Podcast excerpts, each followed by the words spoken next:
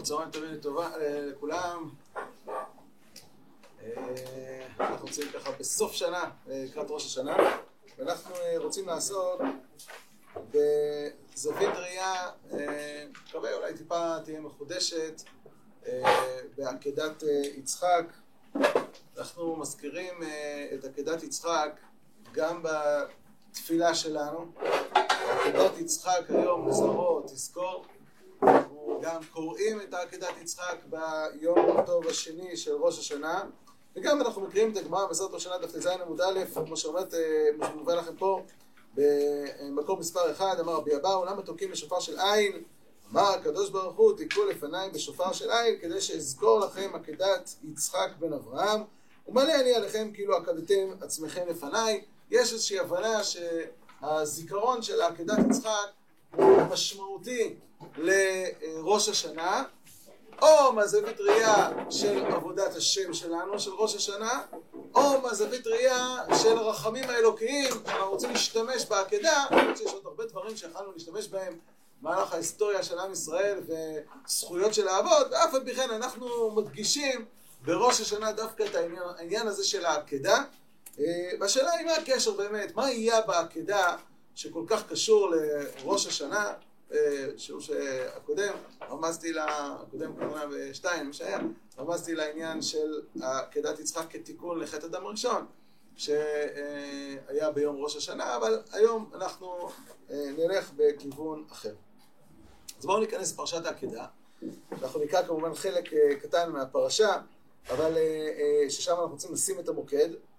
אומרת התורה ביום השלישי, וישא אברהם את עיניו, וירא את המקום מרחוק.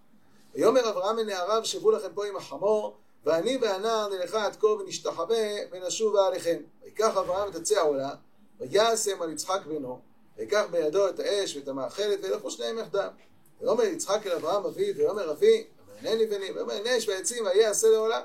ויאמר אברהם אלוהים יראה לו עשה לעולה בני. וילכו שניהם יחדיו, ובוא אל המקום אשר אמר לו האלוהים, ויבן שם אברהם את המזבח, ויערוך את העצים, ויעקוד את יצחק בנו, וישם אותו על המזבח ממעל העצים. יש פה מילה אחת שחוזרת פעמיים, והיא המילת וישם. בשני המקרים מדובר על העצים ועל יצחק, רק בשני מצבים הפוכים. פעם אחת הוא שם את העצים על יצחק בנו, פעם שנייה הוא שם את יצחק בנו על העצים. מעניין, נכון? וישם, ויקח אברהם את עצי העולה וישם על יצחק בנו, ואז כתוב ויקוד את יצחק בנו וישם אותו על המזבח ממעל העצים. משמע שיש קשר בין שני ה"וישמים" הללו, בין לשים את יצחק מעל העצים לבין לשים את יצחק מתחת העצים. אה, או ש... אה, כן? הוא לוקח את העצים ושם את יצחק, שם אותם על יצחק. מה המשמעות של הנקודה הזאת? למה היא כל כך אה, משמעותית במהלך הזה? אז קודם כל, להבין שזה משמעותי, אנחנו, אה, אה, תראו את המקור שלוש, את הגמרא בתמורה, דף ל"ד, הגמרא בתמורה מדגישה לנו שיש הבדל מהותי בין המושג נתן לבין המושג וישם, או לשים. יש לשים ויש לתת. אפשר לתת את הדם על המזבח. יש לשים ויש לתת. ונתן בידה. חז"ל דורשים ונתן בידה, אפשר אפילו לזרוק את הגט לחצר שלה. לא צריך ממש לתת ליד. ונתן זה אפילו בזרק, העיקר שיגיע. לא משנה איך, העיקר שיגיע. בסוף שיגיע. וישם זה עולם אחר. אומרת הגמרא בתמורה במקום מספר שלוש, דתניא ושמו אצל המזבח, כתוב בפסוק, ושמו בנחת, ושמו כולו, ושמו שלא יתפזר. אתה לוקח עכשיו את תרומת הדשא, זה אפר. כן, אפר הוא קל מאוד התפזרות, אדם שנוגע באפר מיד כולו מלוכלך.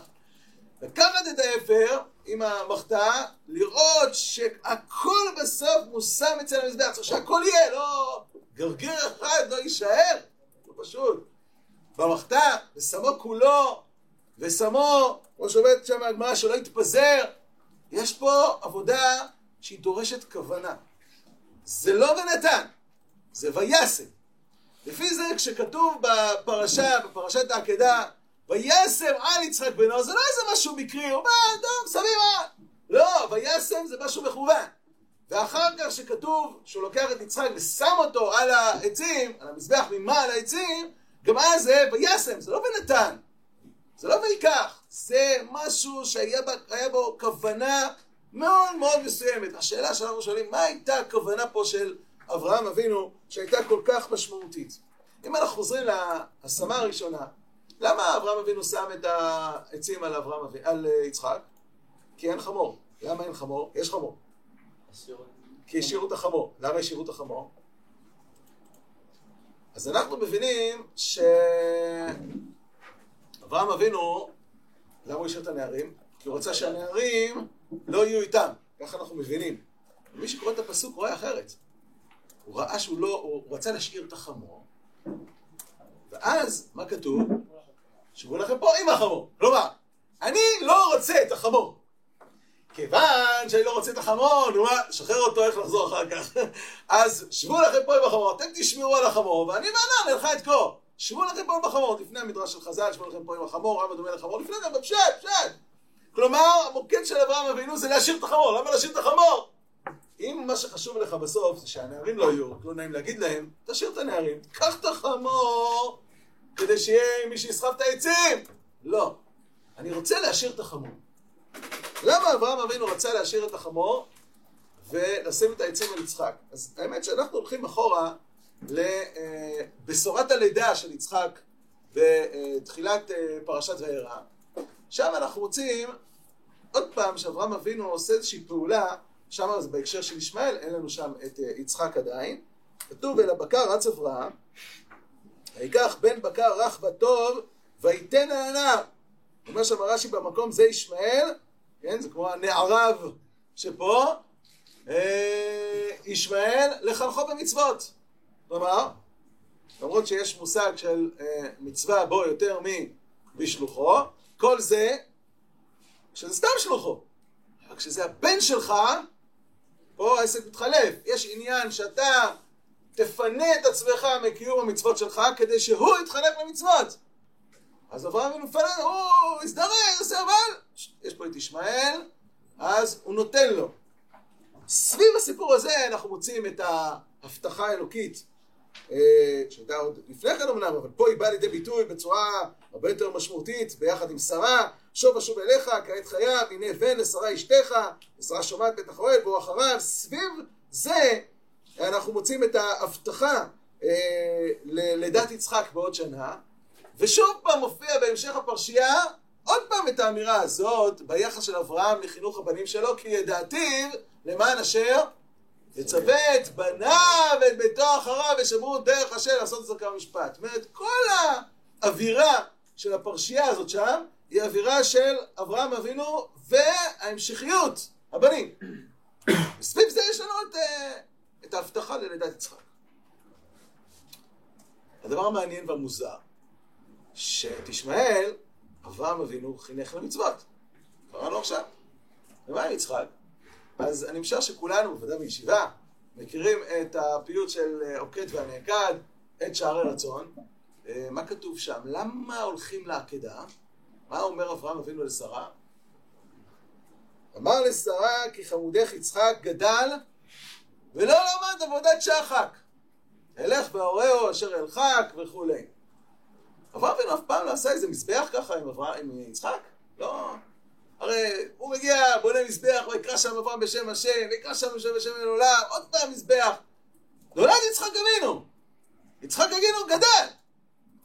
פעם אברהם אבינו לא עשה איתו איזה, איזה קריאה בשם השם ככה, איזה מזבח, קורבנות, יאללה, משהו. אומר הפייטן, לא. הפייטן לא סתם אומר את זה, כי גם חז"ל במדרש אה, נתנו איזושהי ביקורת מסוימת על אברהם אבינו סביב העניין הזה. סביב לידת יצחק וגדילת יצחק וחוסר הקשר של גדילת יצחק לעבודת אברהם אבינו בקריאה בשם השם. איפה אנחנו מוצאים את זה? על פרשת עקדה. הרי ויהי אחר הדברים האלה ואלוהים נישא את אברהם, חז"ל דורשים במסכת סנהדרין, מה זה אחר הדברים האלה? מה היה לפני כן? יש שם כמה דרשות. רש"י מביא במקום חלק אה, מהם. אומר, אומר הגמרא בסנהדרין בהקשר שלנו, בשיעור הזה, יהי אחר הדברים, הדברים האלה והאלוהים נישא את אברהם, אתם מבינים שחז"ל פה דורשים פה שני, שני דברים. אחד אחר הדברים, קרה משהו לפני כן שהוביל לדרישת העקדה, שהקדוש ברוך הוא דורש ממנו לעקוד את יצחק. שתיים, והאלוהים, אלוהים זה דת הדין. היה פה משהו, קפדנות אלוקית. אמר ביוחנן משום הרבה סבל זמרה, אחר דבריו של שטן. דכתיב ויגדל הילד. מי זה? איזה ילד? יצחק. ויגמל. ויעש אברהם משתה גדול ביום יגמל את יצחק. אמר השטן לפני הקדוש ברוך הוא ריבונו של עולם זקן זה חננתו למאה שנה פרי בטן. כל סעודה שעשה, לא היה לו תור אחד או גוזל אחד להקריא לפניך, עכשיו זה מוזר. הרי אברהם אבינו, במבט שלנו, מה שאנחנו זוכרים, הרמב"ם בתחילת הלכות עבודה זרה, כל העשייה של אברהם, מה זה? קריאה בשם השם, נכון? הוא הולך וקורא. יש לך נס בלתי נתפס.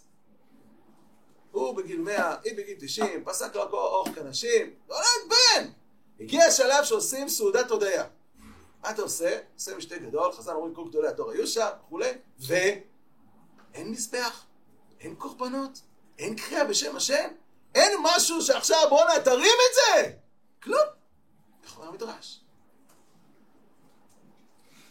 אמר הקדוש ברוך הוא לשטן, כלום עשה אלא בשביל בנו. אם אני אומר לו, זבר את בנך לפניי, מיד זופחו, ויד ואלוהים נישא את אברהם. הניסיון כולו היה סביב האם יצחק הוא חלק מהסיפור של הקריאה בשם השם, או שהוא לא חלק מהסיפור של הקריאה בשם השם? זה המדרש. עליו, עליו יושב הפייטן. אחר הדברים האלה, בעצם יצחק לא למד עבודת שחק. זה לא סתם שאנחנו פה נכנסים לעקדה. הדבר הזה אולי מתחבר לנו לפרק בנביאים, שמשתמש הנביא משתמש באותם ביטויים של לידת יצחק. וזה בסיפור של האישה, של אה, שמה אלישע וגחזי וכולי, אותה אישה שהבטיח לה אלישע בן, אומרת, אומר הנביא במקום מספר 7, ויאמר ומה לעשות לה, ויאמר גחזי אבל, אבל בן אין לה, ואישה זקן. מזכיר לכם משהו? זקן. ויאמר למועד הזה, כעת חיה את חובקת בן. מזכיר לנו משהו? השתמש באותם ביטויים של פרשת וירא. זה אותו ביטוי. כלומר הנביא, כשהוא כותב את הפרשייה הזאת, נמצא לו בראש פרשייה אחרת. ותאמר על אדוני איש האלוהים, אל תחזה בשפחתך, מטר האישה ותלת בן למועד הזה, כעת חיה, כאשר דיבר אליי אלישע. מזכיר לכם פסוק?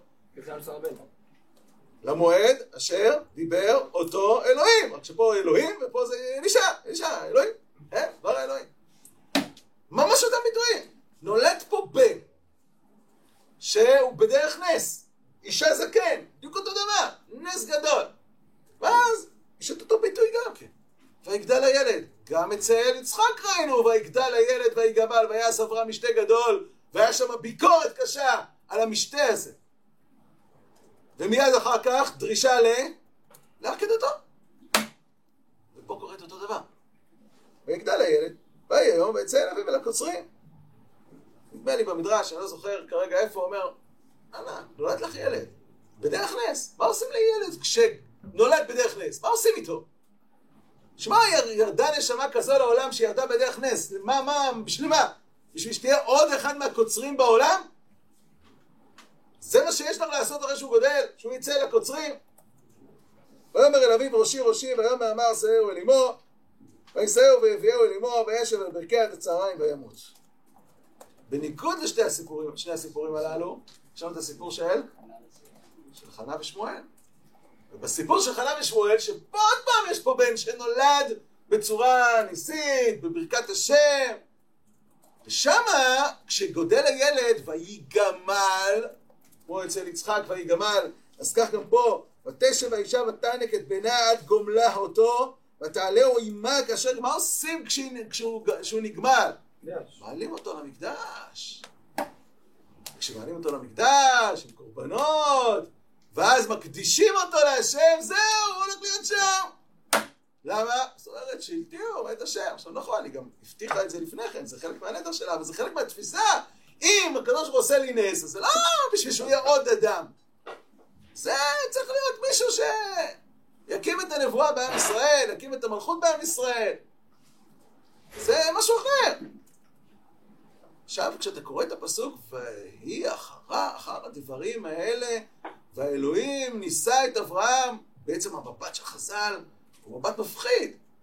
מה קורה פה? כמובן אנחנו צריכים לשאול, בהמשך צריך להבין איך זה יכול להיות שאברהם אבינו, כל העולם קורא בשם השם, מה עם הבן שלו? לא סתם הבן, שעתיד לצאת עם ישראל ממנו? טוב, זה נשאל בהמשך. אבל עכשיו אנחנו מבינים למה הקדוש ברוך הוא מצווה אותו במצווה שמכל התורה כולה, באמת, המצ... הסיטואציה הכי מוזרה שיכולה להיות. הרי להכות, את הבן זה, זה מנוגד לתורה. עכשיו יש הרבה פירושים, הרבה הסברים. מה פתאום להכות את הבן? מה פתאום להקריב אותו קורבן להשם? זה מנוגד לכל ה... כן? הקדוש ברוך הוא מתייחס לעבודה למולך כקצה של הקצה, תועבה. מה, מה, מה כתוב פה?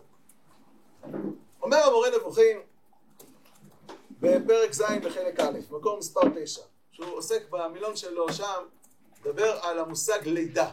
אז יש לידה במובן של אה, יולדים בן. אבל יש לידה במובנים אחרים. מי שהיה בלימוד היומי, והוא ברמב"ם שם, אז uh, עבר את זה כבר. אמור לדעת על מה מדובר פה. מי שהורה למישהו דבר מה, ולימדו סברה, הרי הוא כאילו ילדו. כן? כמו שאומרים חז"ל, שכל המלמד את בן חברו תורה, כאילו ילדו. אנחנו מבינים כאילו ילדו, כי זה הביאו לחיי העולם הזה, וזה הביאו לחיי העולם הבא. אומר הרב, לא, יותר מזה. הוא ממש ילד אצלו משהו. כי עכשיו עולה הדעת הזאת שנוצרה אצלו, מאיפה היא? ממני. אז אני הולדתי משהו אצלך. יש לך משהו שנולד בעקבות אותו אדם שלימד. ולכן, זה מושג של לידה. מבחינה שהוא בא לסברה הזאת, כך מסביר הרמב"ם. משמעות זאת תקראו תלמידי הנביאים, בני הנביאים, כפי שנסביר בדבר שיתוף השם בהם. על פי השאלה זאת, נאמר על אדם, אדם הראשון, ויחי האדם שלושים ומעט שנה ויולד בדמותו כצלמו. היו הרבה ילדים, לפני, אחרי, ויולד בנים ובנות, נכון. אבל אחד, הוא הוליד אותו. מה הכוונה הוליד אותו? בדמותו כצלמו. מכאן שכל הילדים שקדמו לו לא הגיעו לכך שתהיה להם צורה אנושית באמת, שהרמב"ם מסביר אותה בפרק א', שזה הצלם אלוקים שבאדם, שזה יכולת הידיעת השם וההשגה אותו, אשר נאמר עליה בצלם אלוהים בדמותו, ואילו שת, על שת, אשר לימד אותו האדם הראשון והביאו לידי הבנה, בשל זאת הגיע לשלמות האנושית. נאמר, ויולד בדמותו כצלמו. מכאן למדת, אומר הרמב"ם, שכל מי שלא הגיע לכך שתהיה לו הצורה הזאת, כלומר, שהוא לא הגיע לידיעת השם, להשגת השם, לעבודת השם, מה הוא, אשר ביארנו את משמעותה, אין הוא בן אדם, אלא בעל חיים. שתבניתו ומתארו, תבנית בן אדם ומתאר. אתה נראה כמו בן אדם, אבל מעשה אתה בהמה. למה? כי ההבדל בין אדם לבהמה זה עולם עבודת השם, נקרא לזה עכשיו בשפה הזאת, עולם הדעת שלך, עולם ידיעת השם שבך, אם אין לך את זה, אז אתה בהמה, בדמות אדם. אומר הרמב"ם. הרמב"ם מזכיר את זה גם בנ"א בסוף הספר. אה, הבאתי לכם את זה לדעתי למטה. אומר הרמב"ם, אה, הבאתי? כן. כן. כל אדם שאין לו אמונה דתית, עניונית או מסורתית, דינם של אלה כדין בעלי חיים מחוסרי שכל. בעיניי אין אלה במדרגת אדם. הם במדרגות הנמצאים נמוכים במדרגת בן אדם, גבוהים במדרגת הקוף, שכן יש להם תווית ומתאר של בן אדם והבחנה גבוהה במדרגת הקוף. הרמב"ם בעולם ההלכה מסביר בזה מדוע דיני, בדיני נזיקים יש פער בין יהודי שהזיק לגוי שאינו מקיים שם עצות בני נוח לבין גוי שמזיק יהודי. למה? כי זה לא אותה מדרגת חיים. אז נשאיר את זה עכשיו בצד. מה בעצם, לפי זה, כשהקדוש ברוך הוא בא ואומר לאברהם אבינו, תקשיב, תקשיב, תקשיב, לך אה, למקום הזה, תקריב את יצחק, מה בעצם אומר לו? שמה? שהאדם, שיצחק באיזה מדרגה כרגע. מה? אה, להרוג בן אדם? בן אדם. לא בן אדם. מה זאת אומרת? ויולד בדמותו כצלמו! איפה זה? זה העקידה! לך תשחט אותו. הוא הולך עם יצחק, רגע, מה הולך פה? מה הולך פה? ואז מה? הוא רואה את המקום. וכשהוא רואה את המקום, מתעורר פה פתאום משהו. מה מתעורר? מה שמתעורר, שפתאום מבין מה שעשה לישמעאל. מה היה אצל ישמעאל? ויתן אל הנער, חנכו במצוות. לא היה עד עכשיו אצל יצחק. אם לא היה עד עכשיו אצל יצחק, זה הסיפור. אם זה הסיפור, עכשיו אנחנו מתחילים. מה עושים? עוצרים את הכל, אני משאיר את החמור בצד, שוב פעם, אני לא משאיר את הנערים, ובגללם אני גם משאיר את החמור, אלא הפוך, כתוב שהוא משאיר את החמור. הוא אומר לנערים, שבו פה עם החמור, אבל את החמור אני משאיר, קודם כל. למה את החמור אני משאיר? אני רוצה שהעצים, שיהיה מישהו שיסחב. מי יסחב? יצחק יסחב. פתאום כשיצחק הופך להיות שותף, הוא חלק מהסיפור, חנכו במצוות, פתאום עכשיו מתחיל החינוך במצוות של הקורבנות, עכשיו מה קורה? פתאום יצחק שואל שאלות. רגע, מה היה שם שלושה ימים?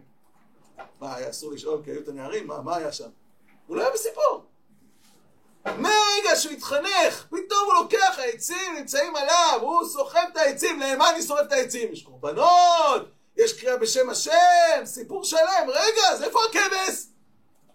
עכשיו פתאום מתחיל הסיפור, פתאום הופך להיות שותף. התחלנו תהליך של תיקון. אם התחלנו את התהליך של התיקון, וישם על יצחק בנו. יש פה משהו של כוונה, כמו שראינו גמרא במסרת תמורה. זה לא סתם מקרי, אה, עושה פה פעולה. לא, זה לא בנתן. יש פה הבנה שאני רוצה לשים את העצים על יצחק. ובשביל זה אני מסיר את החמור. עכשיו אנחנו מבינים את המדרש. המדרש אומר, שבו לכם פה עם החמור, עם הדומה לחמור. יש פה התחלת הפרדה של יצחק מהחמורים, מהבהמות. יש בהמות שהן ממש בהמות, ויש בני אדם שהם לא מכירים את השם, לא נמצאים שם. מתחיל תהליך של הפרדה. יצחק יוצא, מתנתק מהם. אתם שבו לכם פה עם החמור, הוא צריך להיות משהו אחר, פתאום אני קולט מה הולך פה. שם אותו את העצים עליו, מתחיל תהליך. התהליך הזה הוא זה שהופך את התהליך בסוף, ולכן הפסוק אומר שכשהוא שם אותו על העצים, המלאך תראו, עכשיו אתה יכול לעצור, למה אתה יכול לעצור? בגלל הוויסם הראשון. הוויסם הראשון מחק את הוויסם השני. מיד מתגלה למלאך, ואומר, לא, לא, צריך להכות אותו. אמרתי, רגע, אמרת לי להכות, לא? להכות, אבל לא אותו. משהו השתנה עכשיו. הוויסם הראשון ביטל את הצורך בוויסם השני. שהוא שם את יצחק על העצים. זה החיבור בין הוויסם הראשון לוויסם השני. הגמרא מבארת את זה במסכת תמורה. למה במסכת תמורה? חז"ל אומרים שכשאתה, התורה אומרת שכשאתה לוקח קורבן, מקדיש אותו להשם, ואחר כך אתה מחליף משהו, והיה הוא, ותמורתו יהיה קודש. אברהם אבינו לוקח את העין, מקריב אותו תחת בנו, זה ממש תמורה. עכשיו יצחק מה איתו? הוא קדש להשם. זהו. חז"ל אומרים אולי תמימה, אבל כל מה שהוא עושה זה בוא, וכולי וכולי, תחת בנו. עכשיו יצחק אבינו הוא קדש כל כולו רק לעבודת השם. הגענו לקצה השני עכשיו, כן? התחלנו מיצחק שאפילו לא היה מחובר. זאת אומרת, טוען, מגדל עושים מסיבות. והמדרש צועק, איפה, איפה, איפה ויקרא בשם השם? הגענו לקצה השני שיצחק הוא עכשיו הזה, הוא מוקדש רק לעניין הזה. תחת בנו, זהו. הפך להיות כמו שמואל הנביא עכשיו. למה הדבר הזה התעורר בראיית המקום? אז קודם כל, כי אנחנו יודעים, נכון, זה גם הפרשה, תכף אנחנו נבהר את זה טיפה יותר, אבל בפשטות, כי המקום, מה זה המקום? המקום זה הר ה... נקרא דווקא הר המוריה, שמשם חז"ל דורשים, שמשם יוצאת הוראה לכל העולם. הקריאה בשם השם זה המקום הזה. שמה בראיית המקום, ככה פתחנו את הפרשה, התחלנו את הפרשייה מהקריאה הזאת, ביום השלישי ניסה במתנה והיה את המקום מרחוק, ראיית המקום מעוררת לקריאה בשם השם, רגע, פה יצחק, איפה בסיפור הזה? עכשיו השאלה הגדולה היא, איך יכול להיות שאברהם אבינו, גדול הקוראים בשם השם, עמוד האמונה, הראשון שפרסם את שם השם בכל העולם, איך יכול להיות שיצחק אבינו בחוץ? איך יכול להיות שהבן שלו בחוץ? שאלה, נכון? אנחנו נקרא עכשיו את הרמב"ם בהלכות עבודה זרה, אני משער שהיה בשיעור, אה, בשיעורי האמונה כבר אמור להכיר את הרמב"ם הזה בעל פה, קראנו אותו המון פעמים, ועכשיו נקרא אותו בזווית ראייה של השיעור הזה. ותגידו, האם יש פה איזשהו מהפך בפעילות של אברהם אבינו? אומר הרמב"ם כך, התחיל לעמוד ולקרוא בקול גדול לכל העולם, ולהודיעם שיש שם אלוהי אחד, לכל העולם, ולא ראוי לעבוד, והיה מהלך וקורא מקבץ העם, מעיר לעיר, ממלכה לממלכה, עד שהגיע לארץ כנען והוא קורא, שנאמר ויקרא שם בשם השם אל עולם. מכיוון שהיו העם מתקבצים אליו, שואלים לו על דבריו, והיה מודיע לכל אחד ואחד כפי דעתו שיחזרו לדרך האמת, ועד שהתקבצו אליו אלפים ורבבות, והם אנשי בית אברהם. אני רוצה שנייה פה. כשאנחנו קראנו את הפסוק, למען אשר צווה את בניו ואת ביתו אחריו, מה הכוונה ביתו? בפשט. ילדים. בניו וביתו אחריו, כלומר כל הבית שהוא בונה. הרמב"ם קורא פה לבית של אברהם אבינו, מה? האלפים והרבבות שהוא החזיר בתשובה.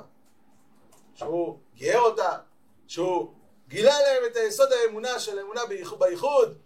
הם בית אברהם. אברהם אבינו, איפה הבית שלו היה? באלפים והרבבות.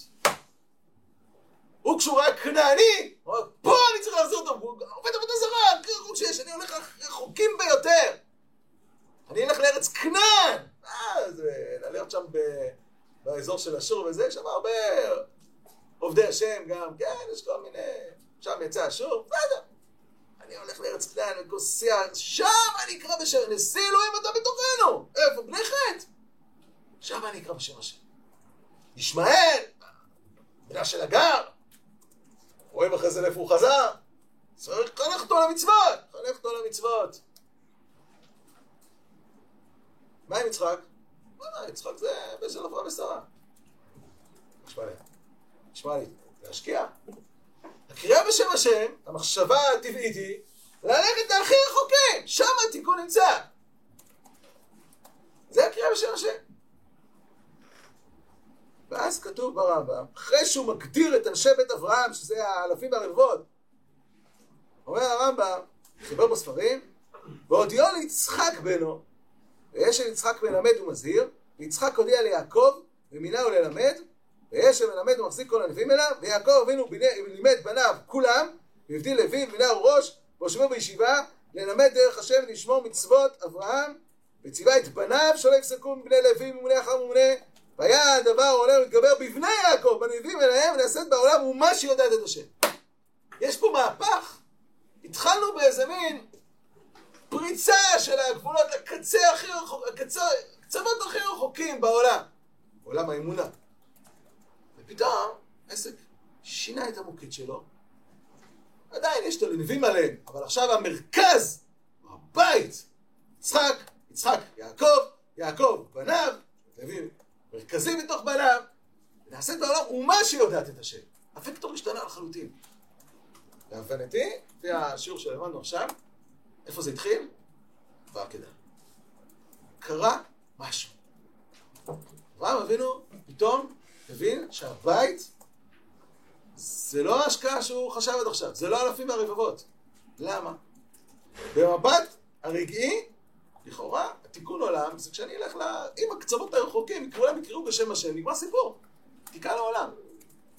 במבט הנצח, ובהבנה שיהיה עוד איזה חמשת אלפים, ארבעת אלפים, שלושת אלפים, לא יודע כמה שנים, ש... עד שיגיע תיקון, מה יקרה עם האלפים והרבות האלו? היום הם הולכים אחריך, קרא בשם השם, מחר בבוקר, לא שומעים כלום. אתה צריך להקים בית, להקים אומה, שזה יהיה השם שלה, שזה הכוח הנצחי שימשיך לקרוא בשם השם עד התיקון הסופי. אם במבט של הדור יש עניין ללכת עד המקום הכי רחוק שיש, ואתה מרגיש שאתה עושה המון, מה, אני אלמד את הבן שלי? הבן שלי יגדל לידע כבר מעצמו. פתאום הוקטור משתנה, כל המוקד על יצחק.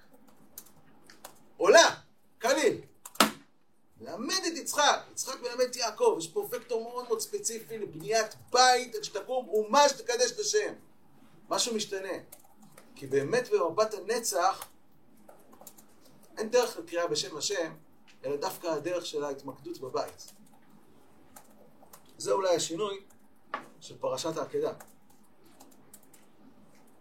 יכול להיות שזה המושג של הפסוק הזה שאנחנו קוראים בסיום העקדה, שאברהם אבינו אחרי שהוא מקריב את העין, כתוב שם במקור 11, ויקרא אברהם שם המקום ההוא השם יראה, אשר יאמר היום בהר השם יראה. נחבר לפסוק בישעיהו, והלכו עמים רבים ואמרו לכו ונעלה אל הר השם אל בית אלוהי יעקב ויורנו בדרכיו ונלכה ברכותיו כי מציון תצא תורה דבר השם ירושלים. הקריאה בשם השם לא תהיה על ידי זה שאנחנו נתפזר כל מיני צדיקים פרטיים, נתפזר בעולם וכל אחד יעשה איזה בית חב"ד ויקרא בשם השם.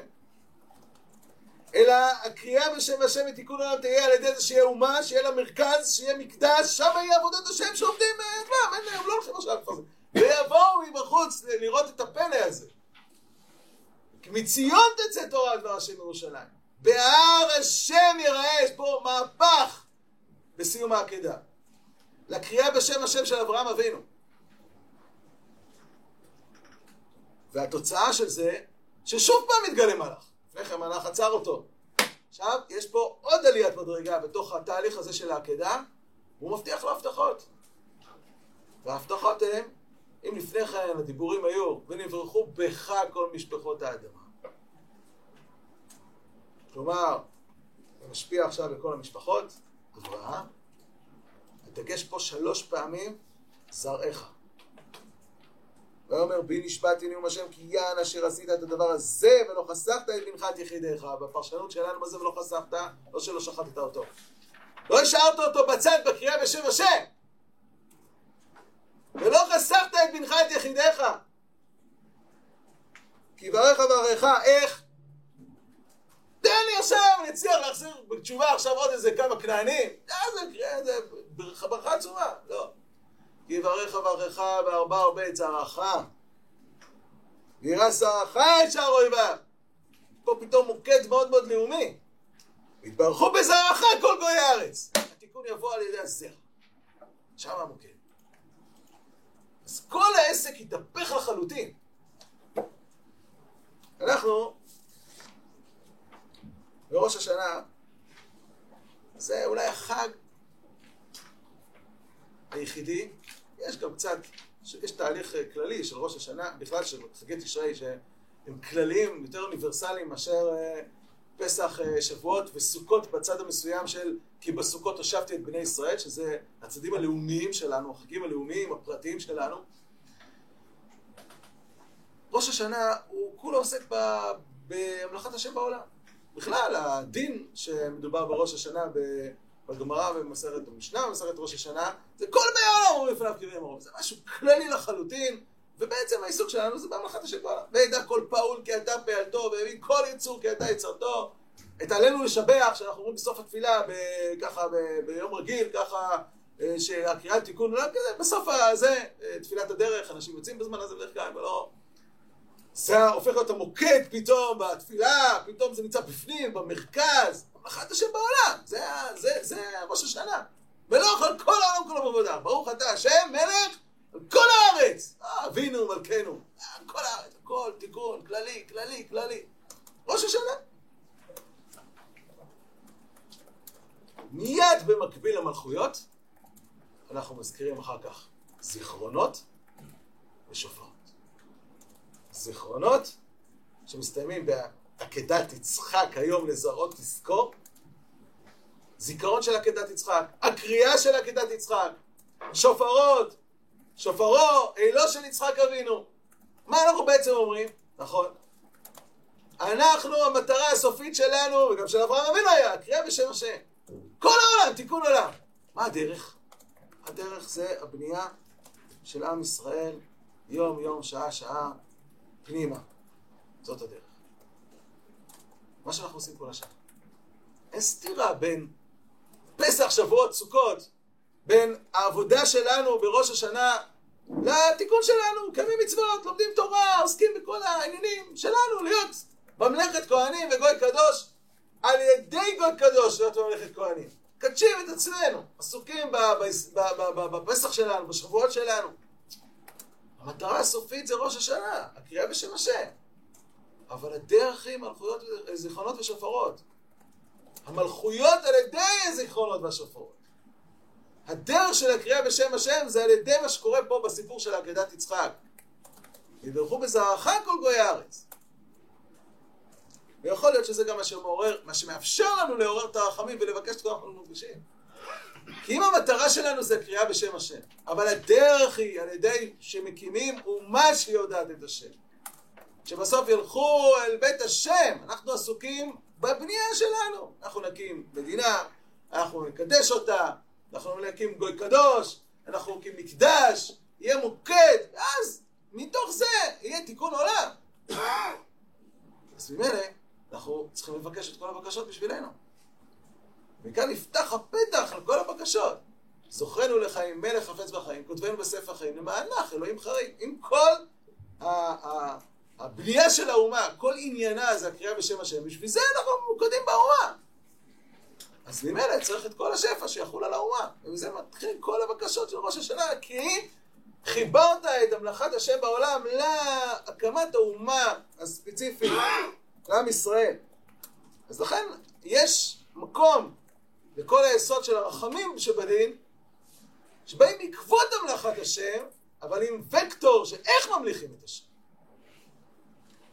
ויכול להיות שיש פה עוד נקודה אחת נוספת, שנובעת גם כן מהחידוש של המבט שהתחדש בעקדה. אם לפני כן המבט הוא מבט של התפזרות כזאת על כל הדור, פתאום יש מבט שהוא ממוקד על עולם הנצח של מהלך הדורות. זה מבט אחר לחלוטין, זה ציר אחר, ציר רוחב ציר עומק כזה, של הסתכלות על כל הדורות, מבט הדורות, ואז פתאום אתה מבין שבמבט הדורות אתה צריך להשקיע במש... בבניית משפחה, בבניית בית, משהו אחר לחלוטין. אתם יודעים, המתח הזה, או הרבה פעמים מתח שקיים היום, לא על אנשים קרייריסטים במובן הקרייריזם של העניין, אנשים שהם אנשים שהם באמת אנשי אה, אידיאולוגיה. האם אתה מרוכז בהשקעה עכשיו החוצה, כל הוקטור שלך, למה אני מקדש את השם, אני עוסק עכשיו באידיאל הזה, באידיאל הזה, או שאתה משקיע בבית. אתה עוסק בבית, בבניית הבית שלך, ילדים שלך, וכן הלאה. מה, עכשיו הילדים שלי, אני הולך עכשיו כל היום, אני עוסק תיקון עולם. פתאום אה, יש פה מבט אחר, כי במבט הנצח, ההתחברות שלך לתיקון עולם, במובן של עם ישראל, של מבט הנצח, הוא רק דרך הילדים. כמו שאנחנו אומרים באמת ויציב וכולי וכולי, שמה ההשפעה שלך היא אדירה הרבה יותר. בקיא ביצחק, יקרא לך זר. אומר הרמב"ן, שואל שאלה בדברים. הוא אומר, מצד אחד, משה רבנו אומר לעם ישראל, תקשיבו, אתם נכנסים לארץ, אבל לא בגלל הזכויות שלכם. אה, אל תאמר בבבך, בהדוף השם עליך אתה מפניך, לאמור בצדקתי ואני השם לרשת הזאת. לא בצדקתך, ביושר לבבך אתה בא לרשת את הצו. אז הוא מתחיל לתקוף אותם, אומרים מי עם השם, בוא נספר לכם קצת את העגל, את המרגלים. קיצור, אחרי כל הזה אתם לא רואים. זה מה? אהבת, בגלל ששומרו את השבועה שיש בה לאבותיכם. ובגלל שהם רשעים, הגויים שבארץ. שואל הרמב"ן, סליחה, אני לא מבין. יש על השואל לשאול. שהרי אמר כי מאהבת השם אתכם. זאת אומרת, אם, אם הקדוש ברוך הוא אוהב אותנו, מה, הקדוש ברוך הוא אוהב, רשעים? הנה הם אהובים למעלה, והשם לא יאהב רק את הטובים. כי רשע ואוהב חמאס, שנא נפשו. אם כן, גם בצדקתם יש עוד, זה לא יכול להיות, אם הקדוש ברוך הוא אהב אותנו, אז כדי שאנחנו צדיקים, אז מה, משה רבנו אומר, לא בצדקתך, תחליט. הוא אוהב אותנו, אם אנחנו רשעים, אז איך הוא אוהב אותנו? אומר רבה תשובה. והתשובה, כי שם ידבר על ישראל בכללם, שם הכוונה כי מאהבת השם אתכם. וכאן יוכיח הדור ההוא שהיו ממרים את השם מיום היותם במדבר. יש שני מבטים. במבט הדור, אתם דור שלא ראוי. למה אתם זוכים? אה, שבועה של האבות. הקדוש ברוך הוא אוהב את עם ישראל. מה זה עם ישראל? השפה הפנימית, כן? כנסת ישראל. עם ישראל של מרחב הדורות. או במילים אחרות, הרמב"ן פה הוא שורש לדברי הרב קוק והמהר"ל ועוד, שיש חילוק בין מבט שיכול להיות של דור מסוים, שיכול להיות של דור של רשעים. אבל בהסתכלות של מרחב הדורות, עם ישראל צדיקים, עם ישראל עם הדרך לתיקון עולם. יש קשר מתמיד, כן, בשפה של הרב קוק, כולך יפה רעייתי ומובך, כשמסתכלים על כל ישראל, אה, מומנבך. אה, אם יש, זה, זה בדור מסוים, אבל זה לא... הכלל, הכלל הוא תמיד שלם, שלם, שלם.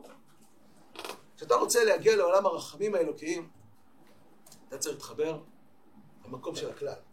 כי במקום של הכלל, שם המבט של כולך יפה רעייתי. המקום של לעבור מכיסא דין לכיסא של רחמים, המקום של כל עולם החסד האלוקי, בנוי במבט על הכלל ישראל. כשאתה כפרט, גם אם תהיה מישהו שעושה דברים הכי נפלאים בעולם, עדיין, אתה לא מושלם. ובמבט הדין לא בטוח שאתה צריך לעבור את הדין. אבל מצד התחברות לכלל ישראל. ההתחברות לכלל ישראל, יש פה מבט חדש, הוא דרך בניית בית. בניית בית לשם השם, חינוך הילדים לשם השם. זה משהו שנראה מאוד מאוד מצומצם. מה, רק זה? יש לי פה דברים גדולים שאני רוצה לעשות בעולם, נכון. אבל המבט הזה הוא מבט של ההתחברות לקידוש שם השם במבט הנצח. ומבט הנצח הזה הוא מבט במובנים מסוימים גבוה הרבה יותר, עמוק הרבה יותר, מחובר הרבה יותר לכלליות של ישראל. והמעבר הזה בין תחילת סיפור העקדה לסוף סיפור העקדה הוא המעבר של המבט, המעבר מכיסא דין לכיסא של רחמים. והאלוהים נישא את אברהם, ובמבט הפרט אפילו אם אתה תהיה מישהו שקורא בשם השם לא בטוח שתצא זכאי בדין. לעולם שהוא כולו רחמים, כי במקום של הכלל כולך יפה רעייתי, בסוף יהיה תיקון עולם, אתה מחובר, אתה חלק מכל שרשרת הדורות הללו. אז אנחנו מסכמים, מי שמסתכל פה על uh, סיפור העקדה, מקווה שככה ראינו אותו קצת במבט uh, חדש, שונה. סיפור העקדה, כפי שאנחנו רואים אותה, רמוז בחז"ל, רמוז uh, בפיוט שראינו של לוקד והנעקד. הוא מלמד אותנו על איזשהו מבט של מצד אחד אנחנו בראש השנה פתאום נפתחים לקריאה בשם השם. המלאכת השם בעולם, נכון. אבל עם זווית מיד של איך עושים את זה. ואיך עושים את זה מה שאנחנו עושים כל השנה. עובדים על עצמנו, עובדים על עם ישראל, עובדים לבניין גאולת ישראל. זאת הדרך להשפיע על תיקון עולם. אין דרך אחרת. אחד. שניים, במבט היותר פנימי, יותר מצומצם. גם העבודה שלי כפרט, מול עם, אפילו בתוך עם ישראל, השפיע. זה נכון, יש הרבה דברים לעשות. אבל אין יותר גדול מאשר הקמת בית, הקמת משפחה וחינוך ילדים. אז יש לנו פה קבוצה, מצד אחד חבר'ה שהוא א', ב', הוא אמר עכשיו בית, הקמת בית, אני עדיין לא התגייסתי. מצד שני, יש לנו פה בוגרים. אז כן, אה, בתור אחד מתעסקים בהדרכת חתנים, כולכם בסוף תעברו אצלי.